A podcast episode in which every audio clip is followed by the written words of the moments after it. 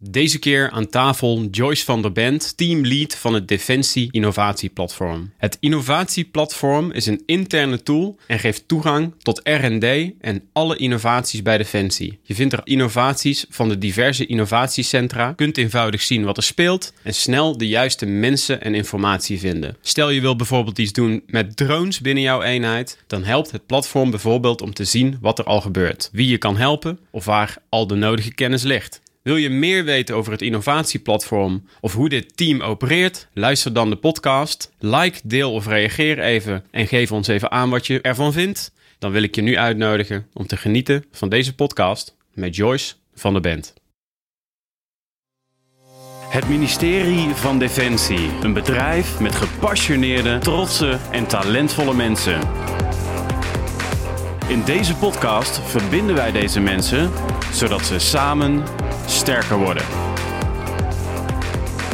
Zoek Samen Sterker podcast en luister of kijk via YouTube, Gpal, iTunes, Spotify of Soundcloud.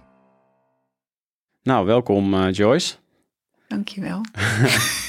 Spontaan dit. Ja, toch? nou, ik zit hier uh, met Joyce uh, van de Band. Um, innovatiegoeroe, communicatieadviseur. Um, nou, nu ga ik je allemaal woorden geven. Wellicht uh, kun je veel beter zelf vertellen wie jij bent. Dus met wie heb ik het genoegen? Uh, ik ben een beetje geschrokken van de innovatiegoeroe. Want ja, ik geef er maar woorden aan, hè? dat is wel echt too much honor. Um, nee, mijn naam is inderdaad Joyce Rement en ik werk uh, onder de naam communicatieadviseur bij Front. Officieel heb ik een heel andere titel en dat hebben we na drie dagen veranderd. Omdat ik daarvan zei, ja, het is echt ontzettend cool, maar ik wil wel in deze functie dat mensen vooral met me gaan praten. En als je titel niet op een visitekaartje past, dan moet je er misschien iets aan doen. Dus communicatieadviseur hebben we het maar genoemd. Ja. Uh, en wat ik doe, en waarvoor ik eigenlijk bij jou zit, is um, heel veel mooie projecten bij Defensie met binnen het innovatiedomein vanuit Front, waar ik werk. Mm -hmm. En een daarvan is het innovatieplatform. Mm -hmm. En mensen die Front niet kennen, wat doet Front? Oh ja, je hebt front en je hebt front door. Ja, nee, front door is inderdaad weer iets Dat is weer iets anders, daarom noem ik het ook. Hè. Je hebt front en front door en jullie zijn front. Yes, front is het innovatiecentrum van de bestuurstaf. Um, en het staat voor Future Relevant Operations with Next Generation Technology and Thinking. En dan moet je altijd even ademhalen daarna. Ja, heel goed. een beetje een dingetje. Um, en wat Front doet, het is eigenlijk wel een leuk verhaal om mee te beginnen. Want Front bestaat langer dan dat ik bij Defensie ben. Ik ben eigenlijk nog best wel kort hoor. Gewoon anderhalf jaar. Maar. Um, en Front is begonnen in 2016 uh, met een klein team wat toen als doel had om innovatie binnen Defensie wat op de kaart te zetten. En dat, dat is een heel korte zin voor echt een onwijs groot doel. Zij hebben zich echt enorm ingespannen om dat toch een beetje abstracte begrip wat meer de organisatie in te krijgen, wat handen en voeten te geven. Uh, en dat hebben ze tot 2018 in die constructie gedaan. Daarna maakten ze wat een, een slag naar een nieuw front. Front is een projectorganisatie of was een projectorganisatie. En daar uh, kwam ik te werken. En die, uh, die organisatie richt zich meer op wat wij noemen de vier V's: verkennen, verbinden, versnellen en verspreiden. Mm -hmm. Van die innovatie binnen de organisatie, dat is ook echt een faciliterende rol naar alle innovatiecentra toe. Want ook die, die staan er allemaal, zeker die grote. Mm -hmm. Oh, dat zie je natuurlijk niet op de podcast. Nou ja, we zitten hier ook naar een, een slide te kijken, maar die gaan we zo nog even toelichten. Ja. Maar als jij die vier V's pakt, hè, om gelijk een klein beetje de inhoud in te gaan. Uh, verkennen, verbeteren, verbinden en... Verkennen, versnellen, verbinden, verspreiden. Check. Heb je daar een voorbeeld van, van een innovatie, zodat mensen ook gelijk een beeld hebben? Nou, een hele mooie is misschien wel die van mijn collega André Wijnveld. En die, dat zit echt in, de, in alle vier de V's. Want wat hij, wat hij deed, is scouten, verkennen. Echt op zoek gaan naar kansen voor Defensie die niet direct gelinkt zijn aan uh, probleem. Het is niet een lineair verband van oh, als we dat probleem hebben, dan moeten we die oplossing vinden. En hij vond een oplossing in exoskeletten. Uh, en die heeft hij bijvoorbeeld geïmplementeerd of getest en geëxperimenteerd bij CZSK, uh, waar ze dat scheepsonderhoud doen. Ken je dat? Ja, zeker. Ben je daar wel eens geweest? Ja, ja dat is heel vet. Ja. Dan ben je onderin zo'n dok en daar staan dan al die mannen en vrouwen staan daar met de hand zo'n schip te schuren. Ja. En dat is echt gewoon dus heel lang boven je macht met zo'n apparaat van kilo zwaar. Dat is gewoon best wel intensief werk. Ja, respect. Ja. Maar als je aan hen had gevraagd, wat zou jou nou helpen? De kans dat ze dan meteen hadden gezegd, een exoskelet is niet zo heel groot. En wat André deed, is zeggen, oké, dit kan jullie wel, dit verlicht jullie werk. Je wordt er, je wordt er niet per se sterker van, want Ja. het neemt het niet volledig over. Maar het ondersteunt wel, volgens mij, even goed nadenken, volgens mij 4 kilo per arm. Ja, maar Dus dat is is- veel. ja, dat is een substantieel verschil. En dat, ik mocht daar ook een filmpje maken. En, en wat een van de jongens zei, dat, dat vergeet je dan weer niet zo snel. Is dat hij gewoon nu een stuk minder moe naar huis gaat. Die voorheen na zo'n dag. Dat kon ik me ook heel goed voorstellen. Want dan zie je zo'n schip. En dat is niet klein. Nee. En de, grootte, de orde van grootte van zo'n klus die zij doen. Ja. En dan kan ik me zomaar voorstellen inderdaad dat ze daarvoor echt wel... Dat is gewoon, dat je gaat op, op een moment ga je kapot. Dat is voor, voor je spieren best wel een zware taak. Dus je zegt het stukje verkennen. Hè? Het stukje verkennen is dat eh, deze persoon die jij net noemde, ehm, die, eh, die was gaan sensen. Die zag in de markt van oké, er zijn Ja. exoskeletten. Hè? Dus die zag een kans. Dus ehm, nou, dat is de verkenning. Dan de volgende V. Ehm, ja, ze, hebben een volgorde, maar het hoeft niet per se in die volgordelijkheid. Maar wat we daarmee doen, zeker met verbinden, is kijk, oké, we hebben dus, we hebben, we zien deze optie. Dat kan mogelijk, dat kan op een manier de organisatie om de eenheden sterker maken. Dan kijken we naar welke eenheden zijn dat dan? Eh, en waar zou dat potentieel eh, tot zijn recht kunnen komen? Dus dat is ook echt dat verbinden met Waar zou deze innovatie tot zijn Ja. recht kunnen komen? Ja. Waar, eh, wie, wie heeft hier wat aan? Dat is ook echt het verbinden. Want we verbinden ook clubs onderling, maar ook echt wel product met eh, een club of een innovatiegedachte, een onderzoek. Mhm. Dat kan op allerlei verschillende manieren. ja. Ehm, en als dat dan eenmaal gebeurt, dan zie je wel eens dat in die processen eh, dat daar wat traagheid in komt. Waar Front zich ook op richt is binnen die organisatie kijken naar oké, dit is potentieel een kans die ons op een vrij eenvoudige manier kortcyclisch sneller kan maken of beter kan maken.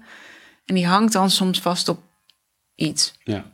En wij proberen daarin wat bij te dragen. Om door met wat dan ook, met de kennis, capaciteiten, Mhm. te kijken, oké, kunnen we dit proces dan versnellen, zodat eenheden er sneller gebruik van kunnen Ja. maken. Dus is de volgende, eh, versnellen. En Ja. hoe doe je dat dan? Wat is een voorbeeld? Oeh, die vind ik wel lastig. Het is, dat kan namelijk op heel veel manieren. Dat kan met kennis, dat kan in combinatie met verbinden door collega's met kennis aan elkaar te vinden. Joh, eh, misschien moet je die experimenten als je daar met drones werkt en daar ook misschien helpt het dus om met elkaar te praten, omdat je op hetzelfde punt vastloopt of die ander al een oplossing heeft gevonden op het punt waar jij vastzit. Mhm. Het kan af en toe met eh, financiële middelen, ehm, met mensen, ja, noem het maar op. Het kan eigenlijk op heel veel verschillende manieren. We kijken een beetje naar wat heeft die situatie dan nodig. Je kan daar niet, het is geen... Nee, ik snap, ik snap helemaal wat je bedoelt. Dus het is echt versnellen in de zin van, ehm, nu vul ik hem een beetje in. Jullie hebben eh, een netwerk, jullie weten welke potjes er zijn. Eh, jullie hebben eh, wellicht kennis in de vorm van misschien coaches of bedrijven die kunnen ondersteunen. Ehm, eh, zie ik dat zo een beetje? Ik zie je een beetje lachen. Ja, eh, omdat het eigenlijk al allemaal is. En het Front zit wel nu in een transitie weer naar een nieuw format. Omdat we inderdaad vanaf 2018, eh, en ik praat een beetje voor mijn beurt, want ik ben er pas sinds 2019, hebben ook geïnvesteerd in zelf experimenten doen. Dus ook leren van, dat, van die processen, van het aangaan van oké, als je dan met een start-up werkt of met een, eh, met een jong bedrijf of met juist een iets groter bedrijf, hoe werkt dat dan? Hoe, hoe implementeer je zo'n kans binnen die organisatie? Hoe loopt dat?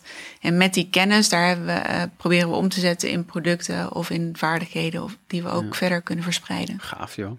Ja, En dat dan, is echt en dan de laatste. V. Ja, dat verspreiden zit eigenlijk Dat best. Ja, dat zit, dat zit Dus in de eigenlijk producten. opschalen, zeg maar. Hè? Ja, Ja, zo zou je het kunnen noemen. ja, ja, Maar het is ook verspreiden van kennis, van mogelijkheden, ja.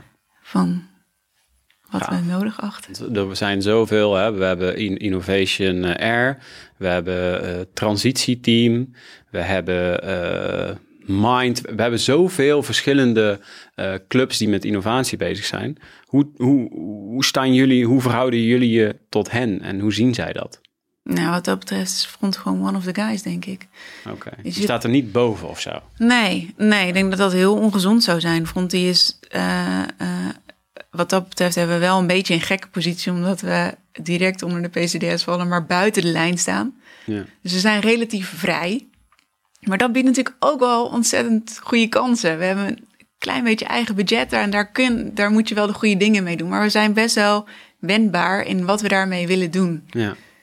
En de afgelopen tijd zat de waarde ook echt daar en hebben we ook echt ontzettend coole dingen gedaan. Ja. Gewoon door te kijken, oké, waar kunnen we dan meer waarde doen door bijvoorbeeld zo'n innovatieplatform te kunnen faciliteren. Dat kun je niet bij een van de opkoos beleggen. Dat, Ja. dat moet vanuit een centrum gebeuren dat daar niet direct mee te maken heeft. Dat Ja. Misschien kan je oké, dit is cool voor jullie allemaal. Dit gaat iedereen helpen. Let's do it. Hoe verhoudt het innovatieplatform eh, zich tot front? Ehm, waar komt het vandaan? Hoe is het ontstaan? En wat eh, is het doel, nut en belang daarvan? Er zijn heel veel vragen. Eh, maar laten we eens beginnen. Sorry. laten we beginnen. Het innovatieplatform. Kun je dat eens omschrijven wat dat precies is? Ja, het zou heel slecht zijn als ik het niet zou kunnen ondertussen. nee, het innovatieplatform is een manier, is een tool om de organisatie toegang te geven tot innovatie. Want we praten er nu wel over alsof iedereen het weet. Ik denk niet dat dat zo is. Er zijn wel op heel veel verschillende plekken zie je echt de meest waanzinnige dingen gebeuren. Maar tot voor kort, en zeker toen ik in 2019 begon, ehm, wisten we nog niet zo goed van elkaar wie nou wat waar deed. En daar had eigenlijk iedereen had, wist dat en had daar ook last van. We zijn echt supercoole dingen aan het doen. En je zag ook bij de innovatiecentra die ook al een paar jaar bezig waren en steeds professioneler werden in hun manier van innoveren zelf. Zowel bij Demo als bij Dosco als bij de, bij de luchtmacht, bij de landmacht.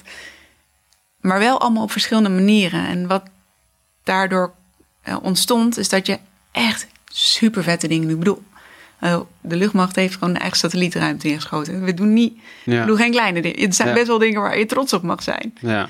En Klaus doet echt heel vette dingen met RAS. Met, ja. Het zijn echt heel... Maar je weet... stond het ook weer voor? Robo, robotici- Ja, dat, autonom, Ja. Robotics en autonomous, autonomous systems. Ja. Oh, dat komt er echt heel lekker uit. Ja. Sorry hoor. Dus eh, ja, ik was het even vergeten. Maar oké, dat mensen ook een beetje weten die, die het niet kennen. Want er, er is gewoon onwijs veel binnen Defensie. Ja, Eh, met heel veel afkortingen. Ehm, dus ja, dit is er ook weer een van. Dus we doen hele, hele, hele vette dingen natuurlijk. nou dat is echt... Ik ging echt stijl achterover. Het zijn echt, echt heel coole dingen. En als je de mensen ook spreekt die ermee bezig zijn...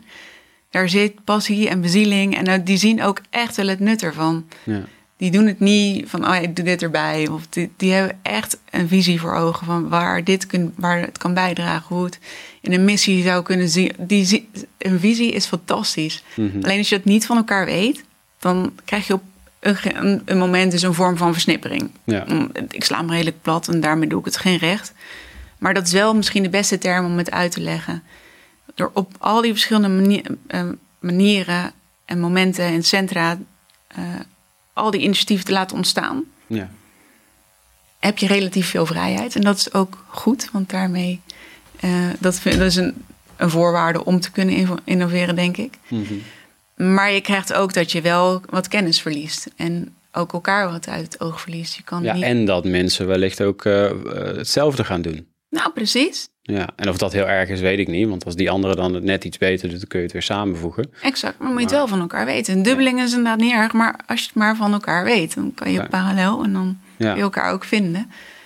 En Staan ze daarvoor open ook?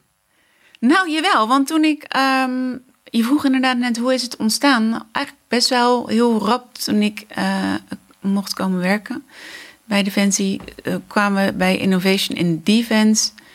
Eh, kwam ik twee collega's tegen, Chris Elings en Belinda Smink, die nu ook alle twee in dat team zitten. Ja. En zij hadden beide ehm, al eigenlijk een, een voorloper van het platform ontwikkeld. Met dezelfde gedachte. We moeten op een manier duidelijk maken wat we doen, zodat we elkaar kunnen helpen.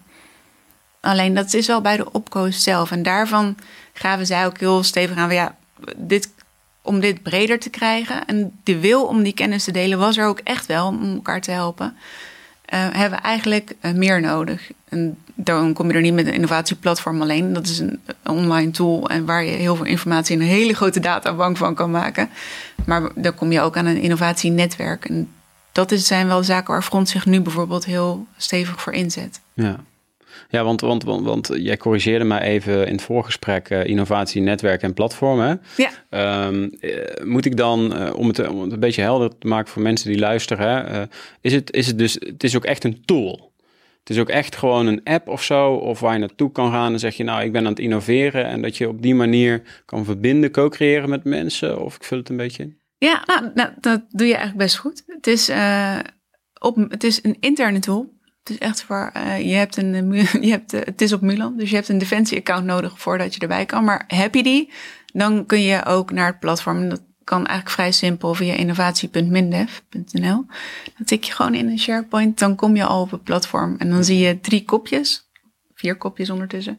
Onderwerpen, projecten, een, een netwerk en een wegwijzer. En onder netwerk zie je nog een heleboel organisaties. Daar zijn we ook nog niet aan toegekomen. Maar onder onderwerpen en projecten zie je de onderwerpen uit de SKIA en de Defensievisie. En de onderwerpen die we zelf in de militaire context hebben geformuleerd. Uh, en onder projecten vind je eigenlijk. Uh, ik, heb vanmorgen niet gekeken. Dat had ik eigenlijk willen doen. Uh, iets meer dan 400 projecten, denk ik, ondertussen, die daadwerkelijk lopen. Wauw. En dat zie je, je ziet niet alleen de projecten, maar je ziet ook de contactpersonen en in welk stadium, mm-hmm. stadium die projecten zijn en wat ze tegenkomen en waar je meer kan vinden. Ja. Je ziet ook beeldmateriaal, zodat je eigenlijk vrij snel ja, toch een soort van vorm van toegang hebt tot dit gebeurt er en dit zou ik mogelijk kunnen toepassen. En is het een beetje een toegankelijke uh, manier van uh, je project neerzetten? Nou, want, omdat dat was eigenlijk wel een van de voorwaarden. Want je gaat dan in gesprek. Uh, zeg, oké, okay, dit is een heel mooi idee, maar hoe gaan we dat dan vormgeven? En eigenlijk werd dat heel snel duidelijk dat je dat, dat kan niet anders dan dat je dat samen gaat doen. Ja. Ik zit nu bij jou, maar daar had net zo goed iemand anders kunnen zitten, want het is niet mijn platform, het is het platform van alle innovatiecentra. Dus je hebt dan ook echt wel eerst zicht nodig op, oké, okay, wat willen we dan exact? Want oké, okay, overzicht is een heel mooie term, maar inhoud van overzicht is, is wel iets complexer dan dat. Dus dat was in het begin ja, eigenlijk zo simpel als heel veel kopjes koffie drinken, als cafeïne overload. Uh, om te kijken, oké, okay, wat wil je dan? Wat, wat wil je dan precies? Want de term zichtbaarheid viel ook heel vaak. En dat is dan wel heel grappig, maar wat, waarom wil je dan zichtbaar worden? Wat, wat verwacht je dan binnen de organisatie dat mensen gaan doen? Wat zou je dan willen overbrengen? En vanuit daar en vanuit die gesprekken konden we eigenlijk wel vrij snel starten met een team. Uh, ja, dat was toen nog van, ik denk een team van acht mensen. Uh, en dat groeide best wel rap eigenlijk. Um, omdat iedereen wel zo zijn idee erbij had van, oh ja, dat moet er ongeveer zo uit gaan zien. En wat komen we dan allemaal tegen? En dan komt ook vrij snel de vraag, nou, misschien moeten we een plan maken. Nou, misschien moeten we dat niet doen. Of dat doen we wel als het klaar is, zeg ik ondertussen vaak. Ja. Want dat hebben we nog steeds niet. Maar, maar even een stukje terug. Hè? Dus we hebben een, uh, voor mijn beeldvorming, uh, en ook dat mensen als ze luisteren begrijpen. We hebben een innovatieplatform, dat is een tool. Um, er zijn allerlei innovatiecentra. We kunnen er dadelijk uh, wel wat noemen. Hè? Ik zie, nou, we noemen er een paar op, zou ik zeggen. we hebben hier een slide voor ons. Ja. We zien de, uh, de klas, CLSK, bestuursstaf, DOSCO, CZSK, Demo en Camar. En die hebben allemaal innovatieclubjes. Die houden zich met verschillende innovaties, productinnovatie, procesinnovatie, sociale innovatie. Um, en die kunnen dus, um, als ze iets bedenken, kunnen ze dat op het platform zetten. Uh, mensen zullen ook trots zijn dat ze hun innovatie daar neer kunnen zetten en dat andere mensen erop aanhaken. Uh, en dan? Wat gebeurt er dan? Nou ja, wat we eigenlijk, um, wat we doen is natuurlijk een stuk zichtbaarheid. En dat is een beetje wat je nu vertelt. We moeten, kunnen, we moeten elkaar kunnen vinden. We moeten zorgen dat het uh, überhaupt zichtbaar is wat we doen. Zodat ook gewoon iedereen, die innovatiemanagers zelf, toegang hebben tot elkaar. Maar ook mensen die niet direct werken met innovatie, toegang hebben tot wat er dan daadwerkelijk gebeurt. Stel je werkt ergens en denkt, nou, ik wil iets meer weten over drones. Dan heb je een manier om te vinden uh, welke innovatieprojecten daarmee lopen. Maar dat is, best, dat is best wel de eerste laag. Wat we daarnaast natuurlijk nu ook doen, door met al die verschillende centra samen te werken, is een, ja, ik moet eigenlijk wel iets uitleggen over die structuur voordat ik dit uitleg. Ja, doe maar. Wat we hebben gedaan, ehm, en daar heb best wel even over gedaan, om te kijken wat is nu het beste, is voor de, zeker de projecten en onderwerpen een, een redactiestructuur ontworpen. Zodat ieder centra heeft één of meerdere eindredacteuren die uh, verantwoordelijk zijn voor de projecten en de inhoud die op dat platform staat. En zij werken weer samen met heel veel redacteuren in een organisatie. Soms zijn dat er niet zo gek veel, omdat de organisatie nog niet zo heel groot is.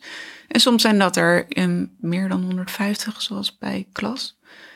Uh, dus dat daar in die orde van grootte zit best wel wat verschil. Je moet daarin wel een manier vinden om te kijken, oké, hoe houden we zorgen dat die content goed blijft? Want als dat zo is en al die gegevens worden ingevoerd, en we stellen daar niet verplicht dat je bijvoorbeeld een budget invoert, maar het kan wel, dan vergaar je uiteindelijk een steeds grotere databak. Ja. En ik moet een beetje oppassen met wat ik nu zeg, want soms schrikken mensen een beetje en zeggen, ja, data, want daar zou je op kunnen controleren. Dat is niet wat we wilden, maar een van de issues die we wel met dat team ondervonden is dat je, als je aan het innoveren bent, dat is al een beetje, dat is een beetje een gek proces vaak. En we hadden ook nog allemaal andere processen, maar dat is weer een ander verhaal. Om daar in dezelfde taal te gaan spreken. Maar dat het, het is best lastig. Innovatie is al abstract. Vernieuwing is al abstract. Om daarin aan te geven waar je dan ook nog in vastloopt. En daar ook nog de urgentie van kunnen aantonen. Dit is echt heel belangrijk. Ja. Stel je bent op de werkvloer, je loopt echt tegen hetzelfde aan. En je, hebt, weet van je medemensen en je mede-innovatoren wel dat zij daar ook tegenaan lopen. Maar je hebt geen manier om te zeggen: oké, in dat stadium of die fase, daar gaat het best wel vaak mis. Of hoeveel implementeren we nou daadwerkelijk? Hoe lang duurt zo'n traject eigenlijk? Kunnen we daar wel eigenlijk weinig vaste data? Ja. Dat is wel wat we ook met dat platform Potential natuurlijk zouden kunnen gaan doen. Ja, ja. Ook in het voordeel van innovatie zelf. ja. En niet om te checken, maar het, ja, ik moet dat een beetje oppassen met wat ik dan zeg. Ehm, ik snap ontzettend goed dat mensen zeggen: ja, weet je, ehm, om te kunnen innoveren heb je, heb je echt gewoon heb je bestuur nodig, heb je management nodig dat daar echt voor gaat en echt Mhm. achter staat. Maar ik vind wel eens dat we die gasten wel een beetje weinig credit geven. Ja. Ook dat bestuur, als je met, ze, met hen spreekt, het is niet dat het onwil is, hè, vaak. Die willen echt wel mee. Alleen, ja, geef ze het even te doen. Die hebben zo'n berg papier. En één innovatiecentrum met één probleem is daar één van. En dan om, om, dat, eh, om, om zo'n signaal een keuze te maken, dat is best lastig. ja. Terwijl als je met een dataset kan gaan aantonen, oké, hier en hier ligt onze focus, zo en zo lijnt dit met wat we bijvoorbeeld hebben gezegd eh, in een SKIA en in een defensievisie. Want we kunnen ook die projecten dus koppelen aan die onderwerpen waarvan we hebben vastgesteld, oké, deze hebben strategisch belang. ja. Dan heb je eh, ook een manier, en ook voor hen is dat een manier om te kijken, oké, hier gaat iets mis. Of daar moet ik in investeren. En oké, dit kan nog wel even blijven liggen. Ja. Maar gaven ze ook niet zo gek veel informatie voorheen. Dus het is ook wel, is ook wel taaie klus bij ze. Ja. Ja, het, weet je, maar dat is met innovatie natuurlijk het geval. eh, wat je zelf ook wel zei, het is gewoon soms heel erg abstract. ja. En is het überhaupt mogelijk om alles in plannen op te nemen? Ik bedoel, je ziet vaak natuurlijk dat dingen gewoon ontstaan. Hè? Eh, dingen komen samen, mensen bedenken ideeën. Ehm, ik bedoel, als je naar trendwatchers kijkt, er zijn gewoon eh, onze kinderen die vervullen in de toekomst banen die nu nog niet eens bestaan. Hè? Dus, dus, hè, ehm, dus het, het is ook heel moeilijk. Eh, maar als je nou kijkt, hè, je zei net, je hebt dus het, eh, het platform, daar komen mensen op. Uh, maar daaromheen is er ook een team wat jullie aan het creëren zijn, die dit geheel ondersteunen, begeleiden. Uh, uh, dat was je net uit aan het leggen. Die zagen we net ook op, volgens mij op die foto even, dat teampje, hè, helemaal in het begin.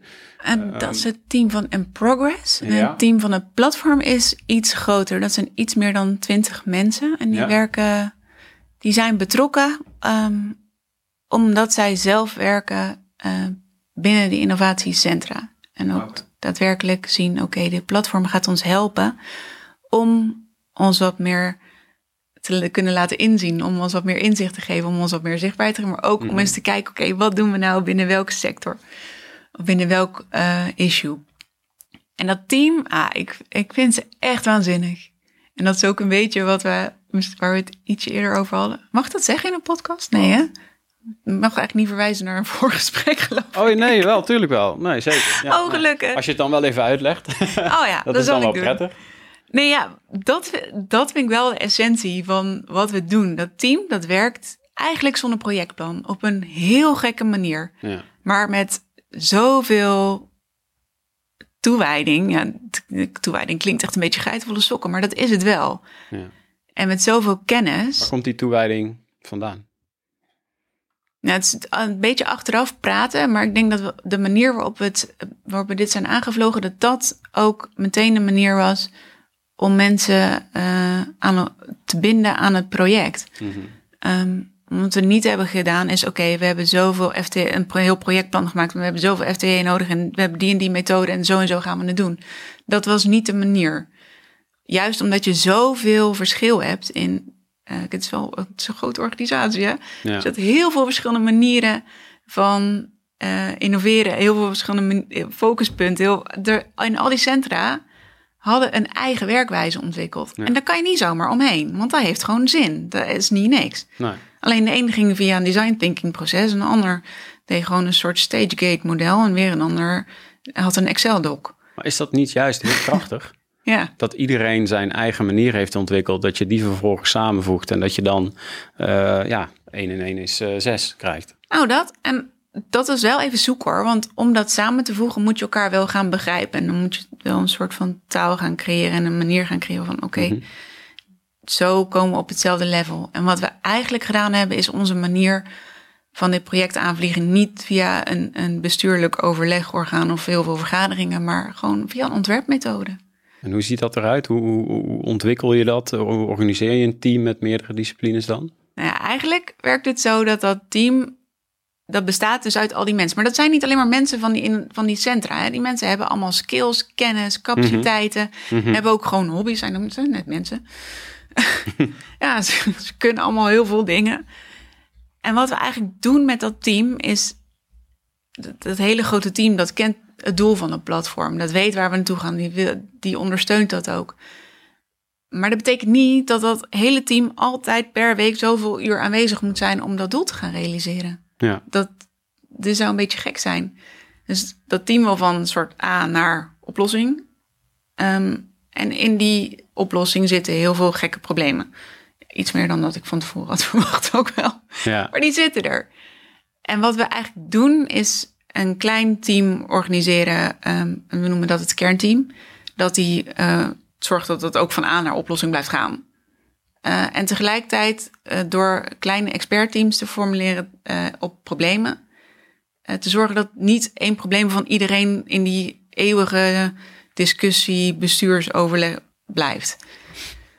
Als we een probleem ontdekken, dan gaan daar een paar mensen mee aan de slag. En dat hoeft niet altijd, hoeven niet altijd de mensen te zijn die daar via hun functie verstand van hebben.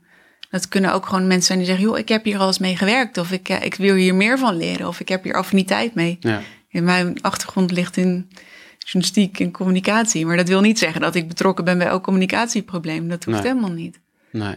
Dus er zit ook heel veel uh, uh, talentmanagement doorheen verweven, als ik dat zo hoor. Nou, daar kan jij veel beter over oordelen. Nou ja, eh, wat ik natuurlijk hoor is dat je um, dat er uh, dat, dat, dat systemen, regels, procedures, hè, taakbevoegdheden, verantwoordelijkheden worden een klein beetje losgelaten. Hè. Mensen krijgen ruimte, hoor ik, hè, vul me vooral aan. En wat je dan natuurlijk ziet als je ruimte maakt, dat mensen ook dingen vanuit andere competenties die niet zozeer op de functie van toepassing waren, ineens in mogen gaan zetten en zich daar ook vrij in voelen. Um, en dan krijg je natuurlijk uh, een, hele, een heel krachtige uh, netwerkorganisatie. Ja, hoe cool is dat? Ja. Dat is ook echt wel waar die. Ik ben echt super trots op wat die expertteams voor elkaar krijgen. Dat is echt waanzinnig. Hm. Het front doet niet alleen maar het platform en het innovatienetwerk, maar heeft ook, brengt ook de andere lagen in innovatie bij elkaar. Bijvoorbeeld het innovatiehoofdenteam.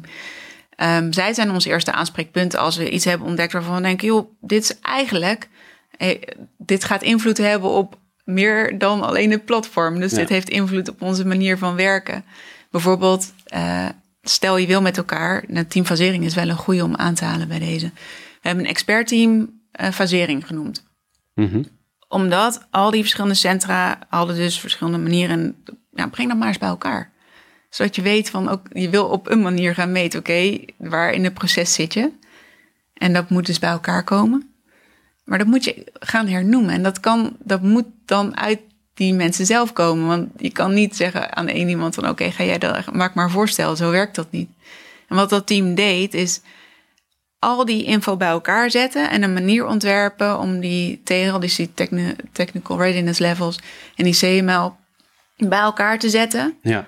En te kijken, oké, als we die levels nou maken, dan kunnen we dit meetbaar maken. En daarmee kwamen ze weer terug naar het team. Dat heeft al een aantal keer gepingpongd hoor, want dat was... Ja, in het begin dachten we nog, oh, dat doen we in de middag. Nou, daar hadden we ons echt in vergist, want dat kost echt wel iets meer tijd. Ja. Maar dan uiteindelijk komt dat wel terug met iets van, oké, hier kunnen wij allemaal mee werken. En dat is voor zo'n innovatiehoofdenteam ook heel interessant. Ja. Omdat ja, zij krijgen ook gewoon een tool waarvan ze echt wel iets kunnen, mogen en ook zullen vinden. Ja.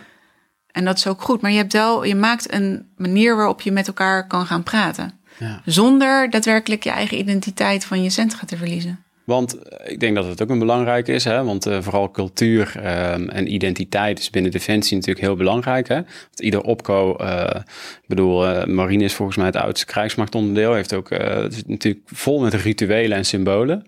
Um, dus, dus ik denk ook dat het belangrijk is om in ieder geval de identiteit te behouden. Maar ook van elkaars identiteit te leren. Hè? Dat is hartstikke mooi. Um, um, maar uh, hoe gaat dat dan? Hè? even kritisch. we zijn nog steeds wel een bureaucratische organisatie. Er wordt soms gesproken over vredesbedrijfsvoering, over missiementaliteit. Uh, dat het wel twee verschillende dingen zijn. Hè? Volgens mij, ik hoorde laatst iemand zeggen dat maar vijf procent is echt missie, echt puur missie vechten, zeg maar, of verdedigen of whatever gericht. Uh, terwijl we wel een organisatie inrichten met opleiding en training, uh, waar die opleiding en training bijna uh, zich volledig richt op die missiementaliteit. Terwijl we ook heel veel vredesbedrijfsvoering hebben. Um, dus regels, procedures, bureaucratie, dat is gewoon die systeemwereld, die is er wel. Nou, lange inleiding. Dus, um, zit dat bij iedereen tussen de oren? Dus stuurt iedereen zomaar mensen weg naar jullie om bij te dragen aan een platform wat uh, niet direct misschien uh, iets oplevert? Of misschien pas ver in de toekomst? Dat hoop ik niet en zeker niet zomaar. Uh, wat dat betreft vind ik het wel fijn om te merken dat ik ook gewoon bij opkozen van mensen zelf. En zeker vanuit het team, die zijn er redelijk scherp op hoor. Ik hoef daar ook niet aan te komen met een bullshit verhaal. Dat, pakken ze echt niet. Nee. Als het niet oplevert, dan gaan ze het namelijk ook niet doen. Het is niet, we hebben er geen FTE's voor weggeschreven. We hebben er wel op een gegeven moment wat meer ruimte voor gemaakt. Maar in een van de eerste vergaderingen kwam wel al, en dat verbaasde me toen wel. Want ze zijn nog vrij groen, nog steeds wel, maar die dat, dat meteen het onderwerp borgen opkwam. Maar we zijn net begonnen, joh. maar ja, want dan moeten we dit borgen in de organisatie. Oké. En dat zegt natuurlijk wel iets over het vertrouwen wat mensen hebben Mhm. in een, een manier van werken of een nieuwe tool ontwikkelen. Van, oh ja, als we dit dan gaan doen, dan moeten we ook zorgen dat het blijft. En dat was wel eigenlijk achteraf kan, zie ik dat wel echt als een cadeautje. Dat iedereen meteen de ruimte nam om dat te zeggen. Ja. Want ik toen ook al wist, oké, dit wordt wel hier moet ik scherp op gaan letten. Dit, als mensen iets gaan doen, ze gaan, het is niet zomaar.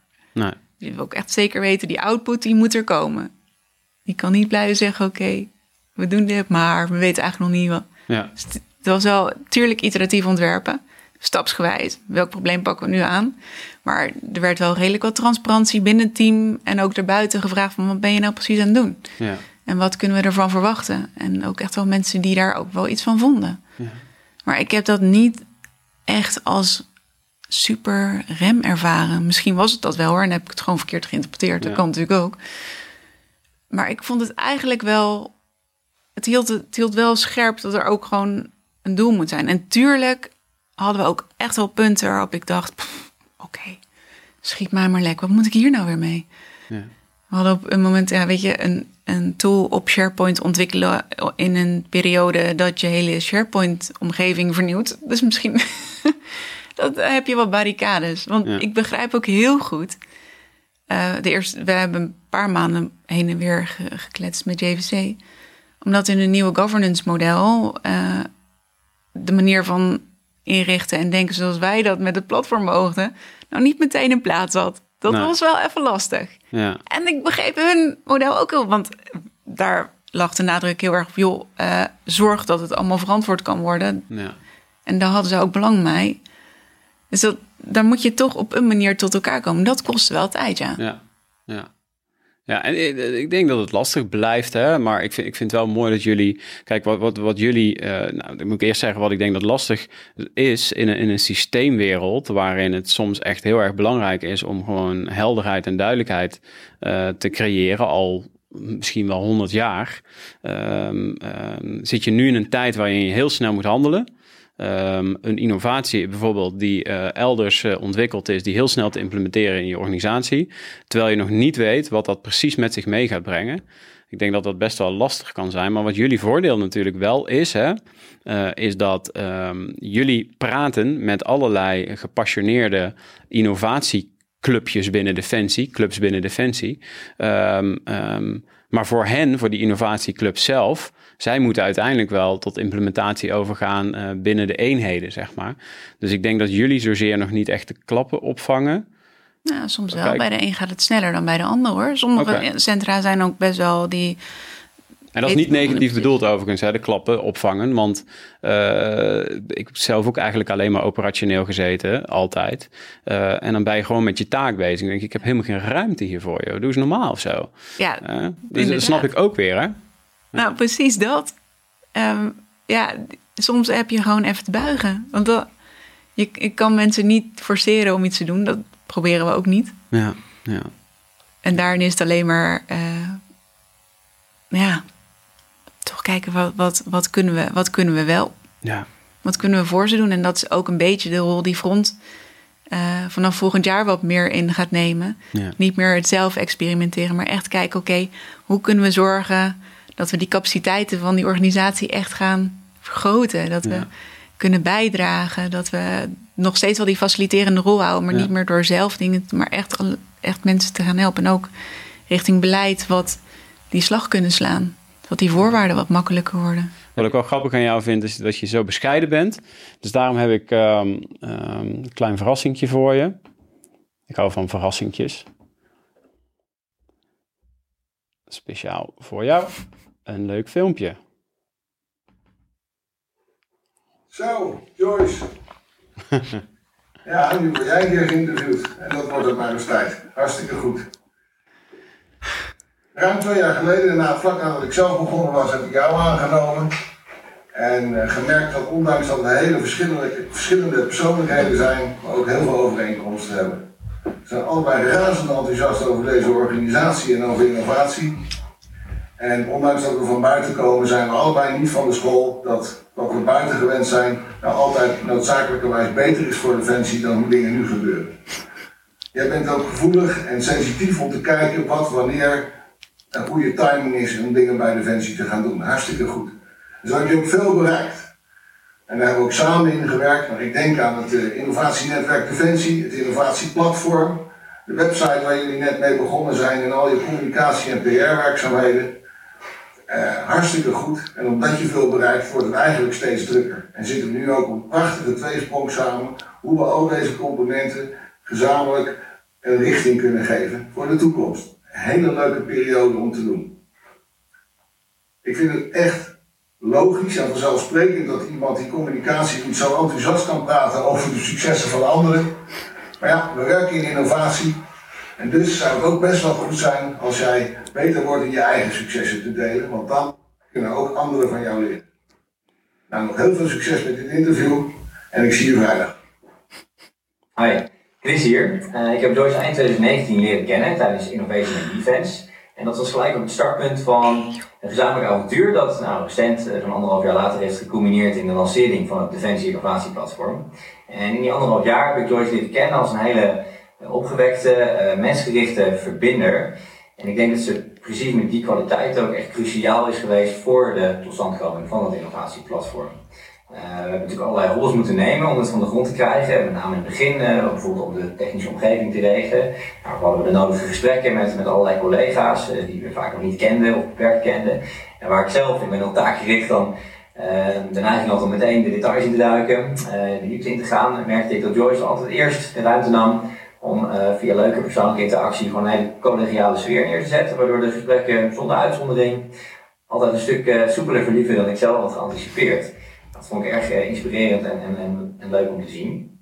En daarnaast, in die anderhalf jaar, uh, ja, werden we natuurlijk gekenmerkt door de coronamaatregelen. Volgens mij hebben we elkaar na de eerste keer nog slechts één keer uh, in levende lijven gezien. En verder uh, altijd digitaal. Maar toch ja, ben je erin geslaagd om een, om een, echt een teamgevoel te creëren. met allerlei mensen van allerlei verschillende afdelingen vind ik ook heel knap. Ik denk dat het ook voor een belangrijk deel aan, je, je verbindende kwaliteiten en, en je optimisme en opgewektheid te danken is. Um, extra respect omdat het voor jou persoonlijk uh, ook niet altijd even makkelijk is geweest, denk ik, met, met twee kids thuis en um, een opleiding erbij. Je hebt zelf corona gehad. Uh, maar toch bleef je ook daarbij altijd uh, nou, gewoon opgewekt. Dat vond ik echt knap. sluit ik af, zal ik niet verbazen met de hoop uitspreken dat we binnenkort dan eindelijk met het team het glas kunnen heffen op het succes tot nu toe. En ik kijk er eh, echt naar uit om samen eh, de komende tijd nog veel meer mooie dingen neer te zetten rond het innovatieplatform. Daar ben je. Hey Joyce, een uh, superkort vlogje waarin ik jou even ga kenschetten zoals ik meekijk. En ik doe dat met drie tops en twee tips. de eerste top is je vakmanschap. natuurlijk mag je van een communicatieadviseur verwachten dat hij een goede neus heeft voor berichtjes. Bij jou gaat het mij echt verder ik heb heel veel respect en, uh, voor jou, um, de manier waarop je engagement op een strategische manier aanpakt. De tweede top is je persoonlijke effectiviteit. Uh, je bent vriendelijk, charmant, geïnteresseerd en daarmee sta je dicht bij mensen en weet je veel van mensen gedaan te krijgen. Mensen willen graag met je samenwerken en willen je graag helpen. De derde top is uh, collega. Joyce, je bent gewoon hartstikke fijn mens, een hele fijne collega. Je hebt een goede invloed op de groep. Het is gewoon fijn om met je samen te werken. Gauw nog eventjes twee tips. Tip 1, verander niet. En tip 2, ga niet weg. Dank Joyce. Hey Billy, een verrassing voor jou. Dat is lastig. Maar het is hopelijk gelukt om jou op dit moment te verrassen. De vraag is, wat heeft Joyce, hoe inspireert Joyce jou? En Joyce inspireert, jij, jij inspireert mij zeker, bijna dagelijks. Je laat mij vrij, al op het moment dat we elkaar hebben ontmoet. Je laat me vrij om keuzes te maken. Je laat me vrij om fouten te maken. Moet ik natuurlijk wel van leren. En uh, je laat me vrij om te onderzoeken van wat wil ik nou eigenlijk in alle kanten van het leven, maar ook in het werk. En dat inspireert. Uh, jij benadert mensen in je werk, buiten je werk, op een open manier. En uh, die openheid zonder oordeel, waarbij je nieuwsgierig bent, waarbij je onderzoekt, waarbij je vragen stelt, dat inspireert ontzettend. Dat is iets waar ik zeker van kan leren en dat hoop ik nog lang samen te doen.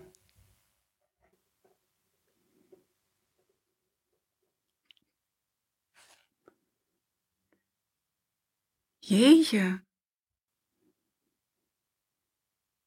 Ja, dan wil jij een reactie natuurlijk.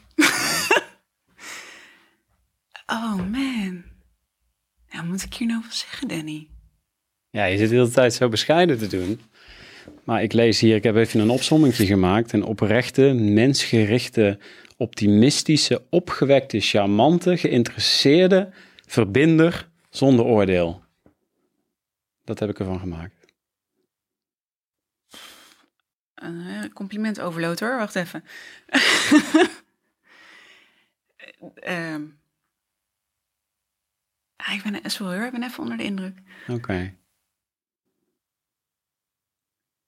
Heel bizar dit. En, zo, en echt wel heel lief.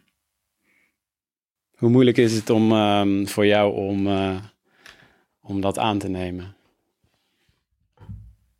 Mm. Je forceert het enigszins nou. ik kan niet anders. Ja. Ik kan niet echt wegrennen hier. Ja, het is niet, weet je, het is niet, ja, ik zie dat je dat lastig vindt. Hè? Dus ik, maar uh, dit is wel, um, um, volgens mij is dit de, de, de, tweede podcast. Het was bij, uh, bij Onno, Onno Eigelsheim, uh, CDS nu. eh, was het ook. Kwam volgens mij zijn hele ehm, opkomst van de KMA, die eh, moesten allemaal filmpjes inspreken. En ehm, toen kwam eh, Joyce, die nog zo kort binnen Defensie werkt. Er kwam echt ook een overload van mensen die iets over jou wilden zeggen. En dat is niet zomaar natuurlijk. Dus je doet goede dingen klaarblijkelijk. Ehm, ja, goed, ik heb het niet eh, gezegd. Hè. Het zijn jouw uh, matties, jouw collega's. Eh, je inspireert en eh, je En doet... mijn echtgenoten gewoon. En je echtgenoten ook nog eens. Ja. Jeetje, ja. Wie zagen we? Laten we het even gewoon... eh, wie kwamen er voorbij? Voor, voor de mensen die alleen luisteren. Kun je dat even kort schetsen? Ja, ja. Nou, we zeggen eh, Twan, mijn echtgenoot. Mhm. Eh, nog steeds de leukste. Zijn, ja, ik kan niet anders zeggen, maar eh, dit, dit verrast me wel enigszins.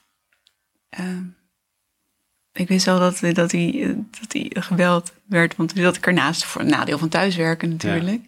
Dus ik heb echt geprobeerd om te vragen, wat heb je dan gezegd? Maar dat hij Ja. dit zou zeggen, dat, dat wist ik niet zozeer. Eh,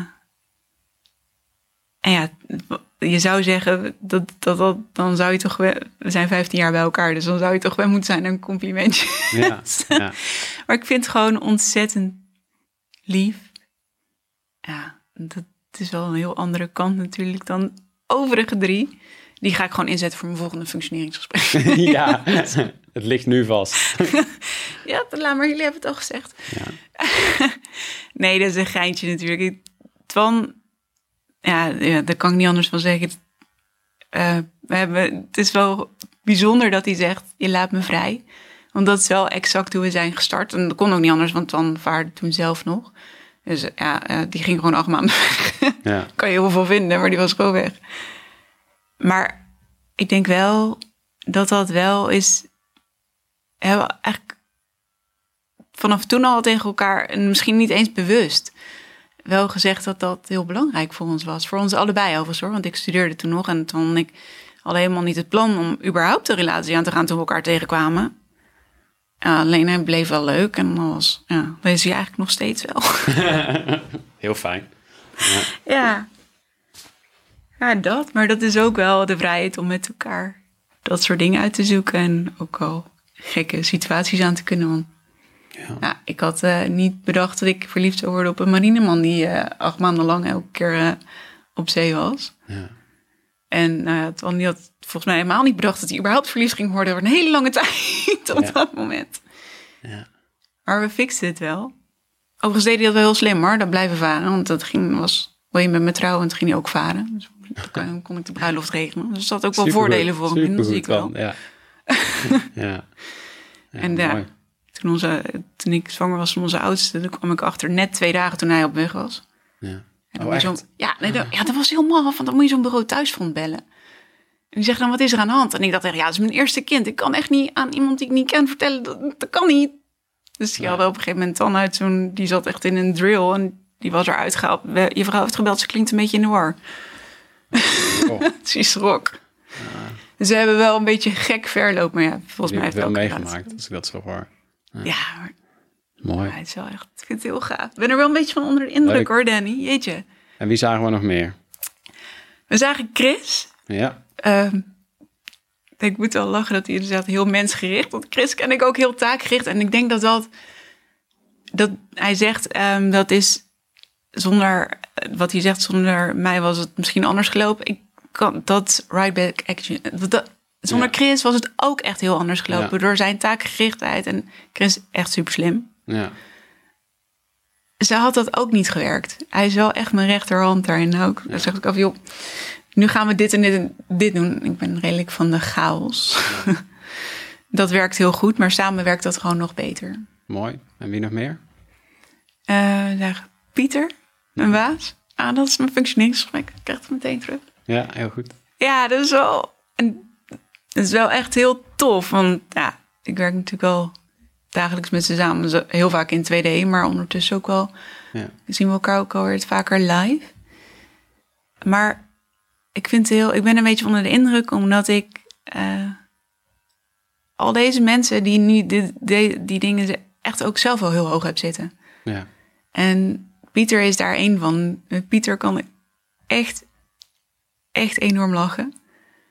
En hij zegt ook, hij heeft, kent die organisatie op zo'n andere manier dan ik. En dat dat zo goed samenwerkt, vind ik wel echt heel tof. Ja. Hij helpt ook met al en laat ook heel, geeft heel veel ruimte. En dat vind ik echt heel, heel cool. Ja, even heel kort. Hoe, hoe kennen jullie de organisatie anders? Ja, Pieter die eh, eh, is eh, begonnen ehm, op zijn 17e of 18e, Ja. 18e denk ik. Kort, hè?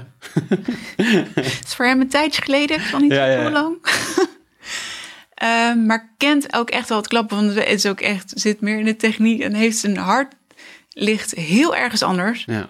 dan dat het mijne ligt. Dat, Ja. eh, je hoeft mij niet te vragen hoe eh, een bepaald gereedschap eh, in, past in een systeem. I don't know. Materieel, logistiek. Ik, echt de inhoud daarvan, geen Ja. idee. Daar is hij heel sterk op. Maar ook met,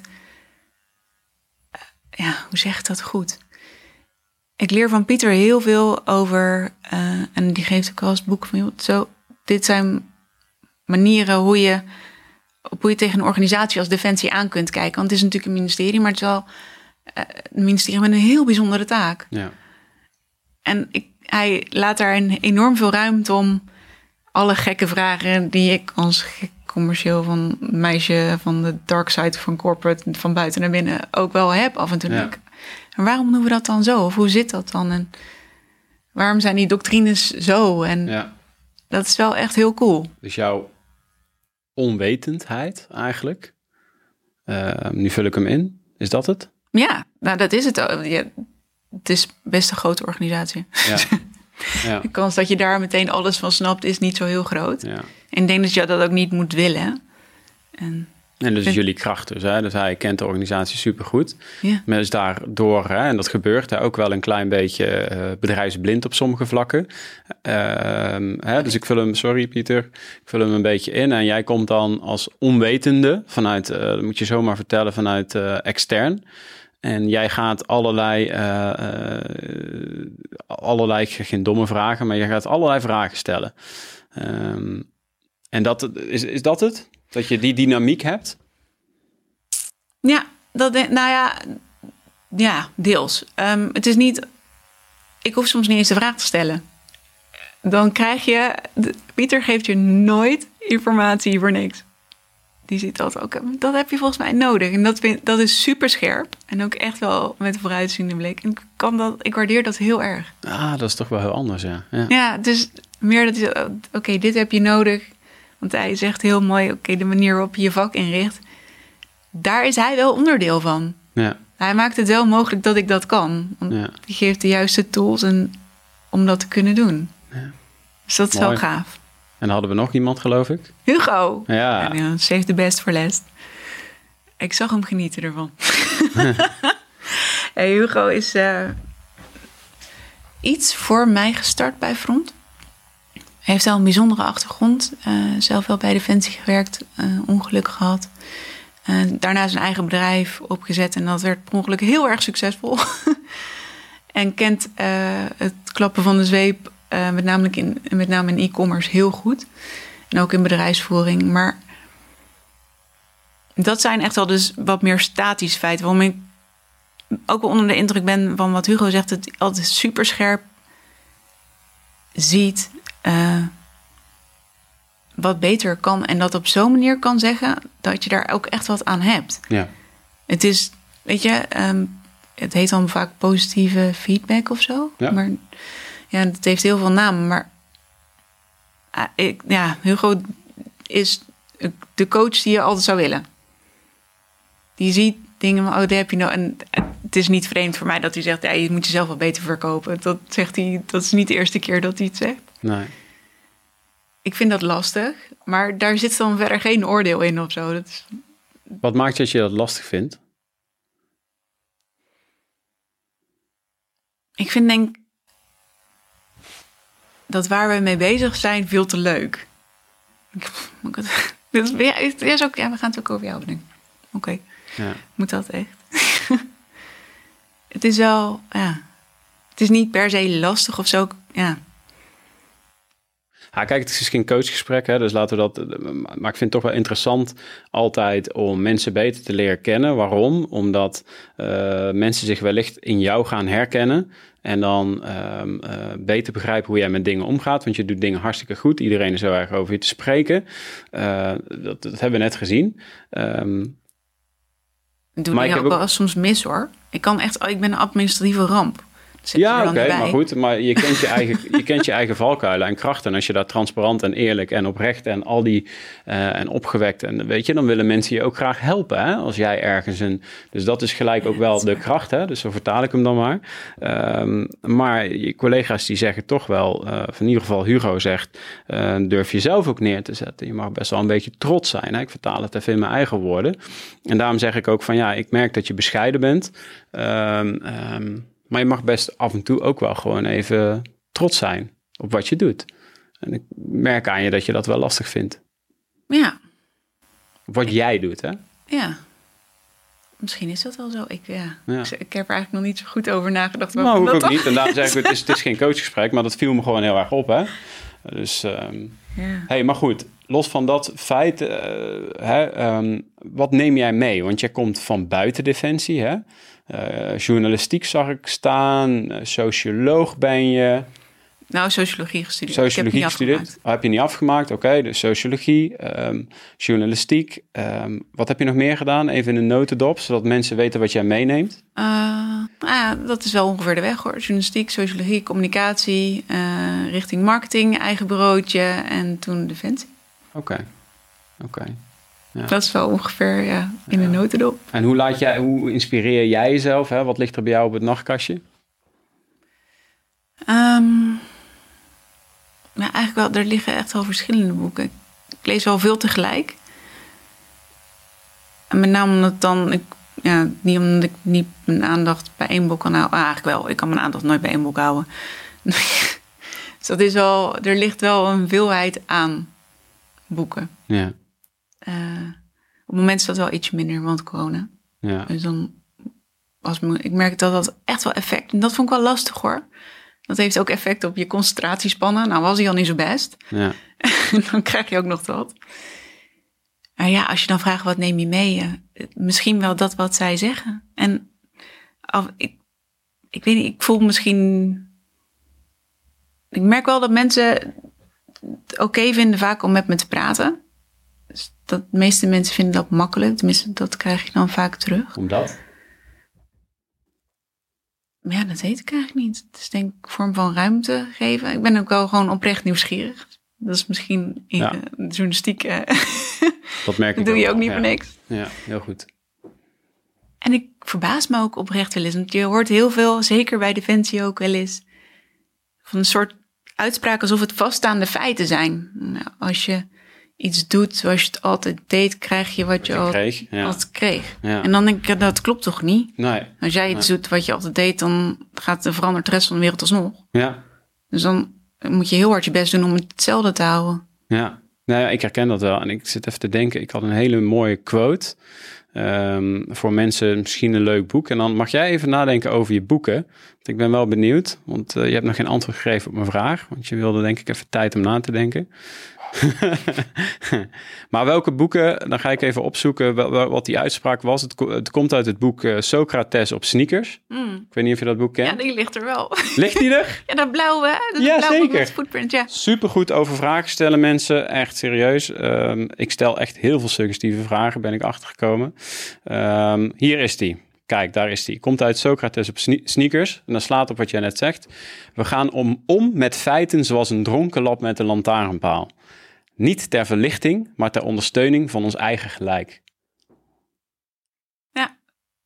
We gaan om met feiten zoals een dronken lap met een lantaarnpaal. Niet ter verlichting, maar ter ondersteuning van ons eigen gelijk.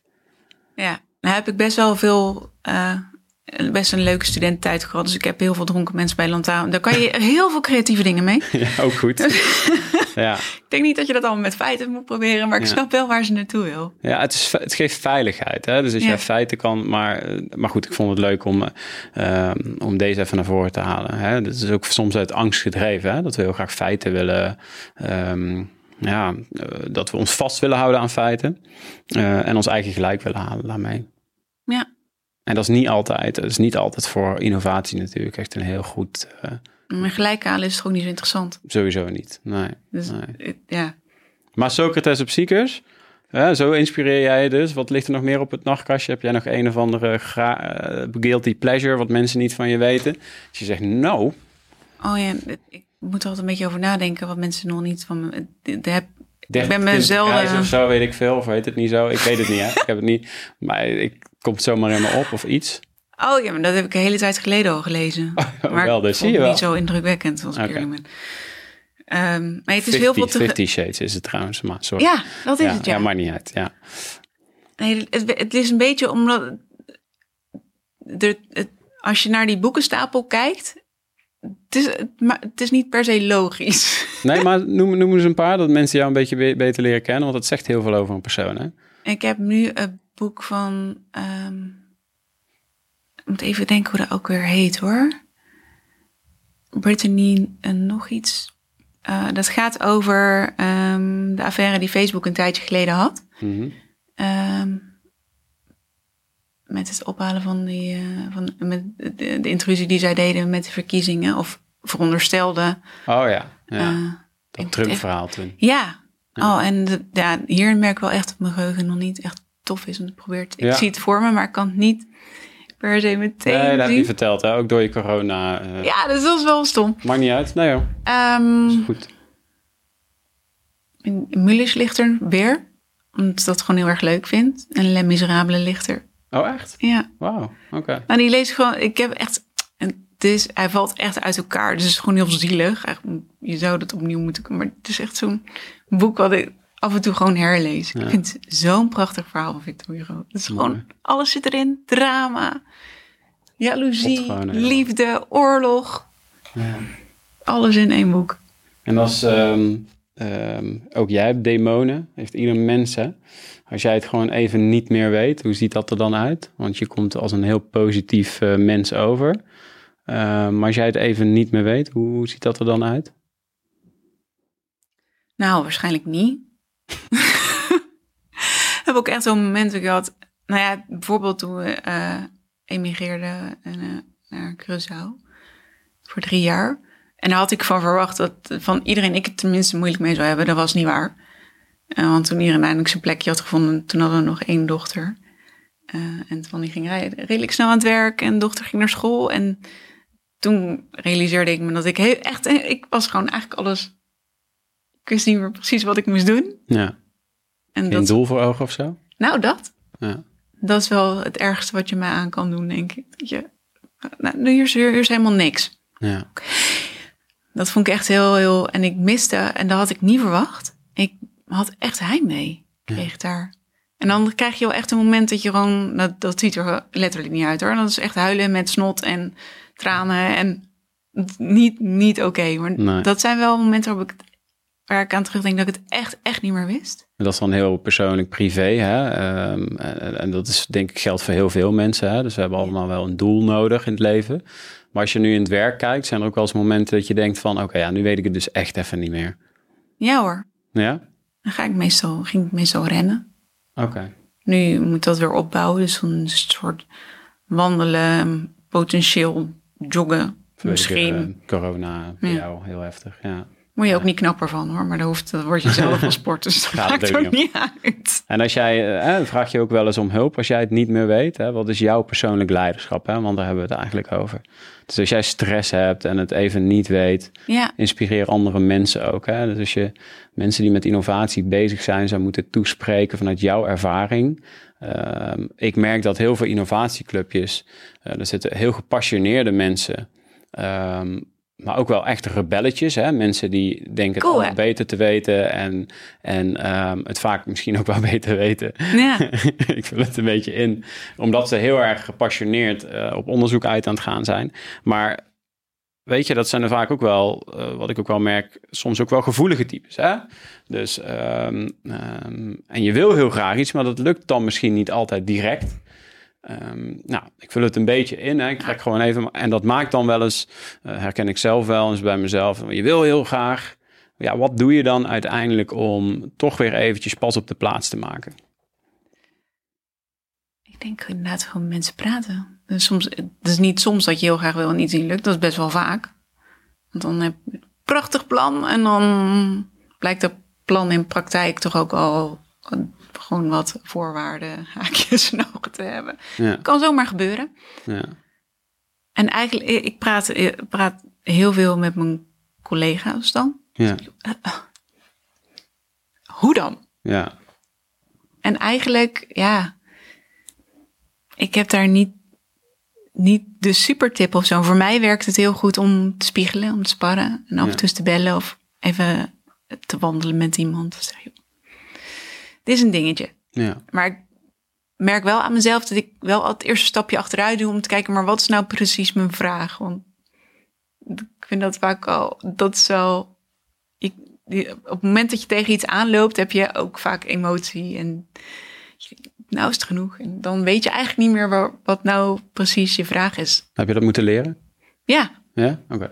Ja, heel stevig, omdat je niet meteen, weet je, het is niet, soms is er ook gewoon geen antwoord, maar dan om te realiseren dat je misschien niet eens een antwoord nodig hebt, moet je wel even terug en denken, oké, what happened? En dat is ook heel, eigenlijk is dat wel heel interessant om te doen. ja, Dat je even denkt, oké, dit was ongeveer mijn plan en dit is er gebeurd. ja, Wat, heb, wat, is er, wat, is, wat ging daar mis? Of wie ging daar mis? Of hoe ging dat dan mis? Dat is eigenlijk wel heel cool om te kunnen zien. En zeker als mensen je daarbij willen helpen. ja, En soms gaat dat niet. eh, maar 9 van de 10 keer zijn het ook juist wel die rebellen. Die heb je ook nodig. Ik bedoel, het is soms lijkt het net alsof je een keuze moet maken tussen een soort strakke hiërarchie of tussen rebels. Ja. Maar volgens mij heb je gewoon allebei nodig in de Nee, organisatie. zeker, zeker. Maar mind you, als ik zeg rebellen of eh, zulke dingen, misschien eh, plak ik, eh, plak ik etiketten of hang ik ergens een etiket aan. Maar ik, ik, ik, ik, ik hoop dat we allemaal van die soort mensen in een organisatie hebben. Want ik kan ook ongelooflijk rebelleren. Ik vind Ja? het juist een heel, heel positieve eigenschap. Ehm, een stukje durf, een stukje lef, maar ook wel kwetsbaarheid. In, dus, in wat jij dus ook zegt. In ehm, gewoon even pas op de plaats maken. Dat je verschrikkelijk boos bent. Maar dan maar even gaat hardlopen, gaat mediteren.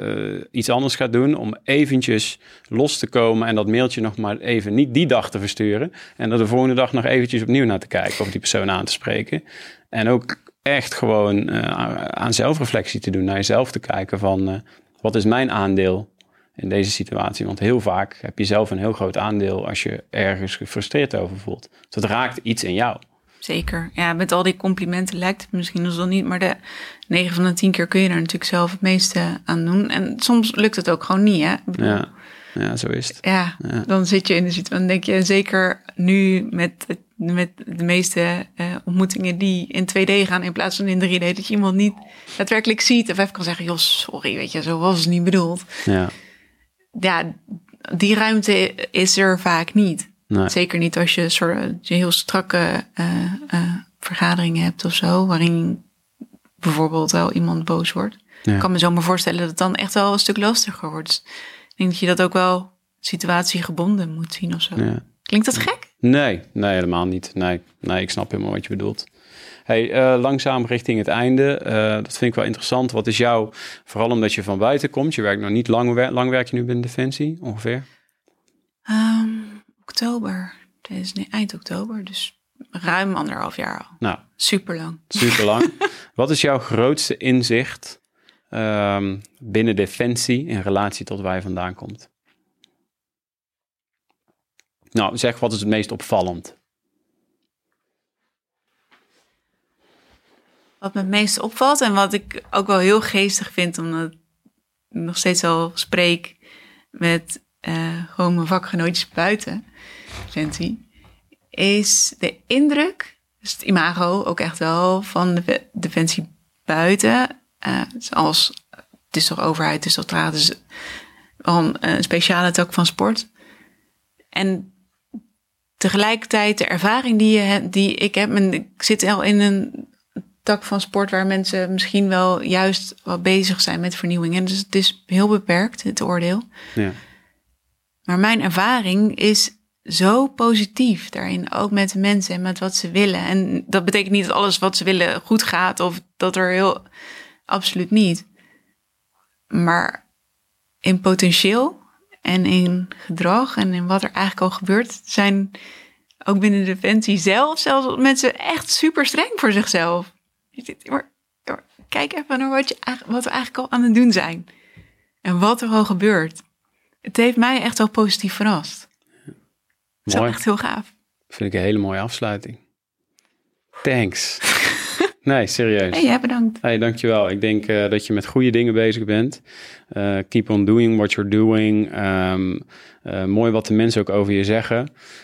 Ik wens jullie echt heel veel succes met het innovatieplatform en het, met het netwerk.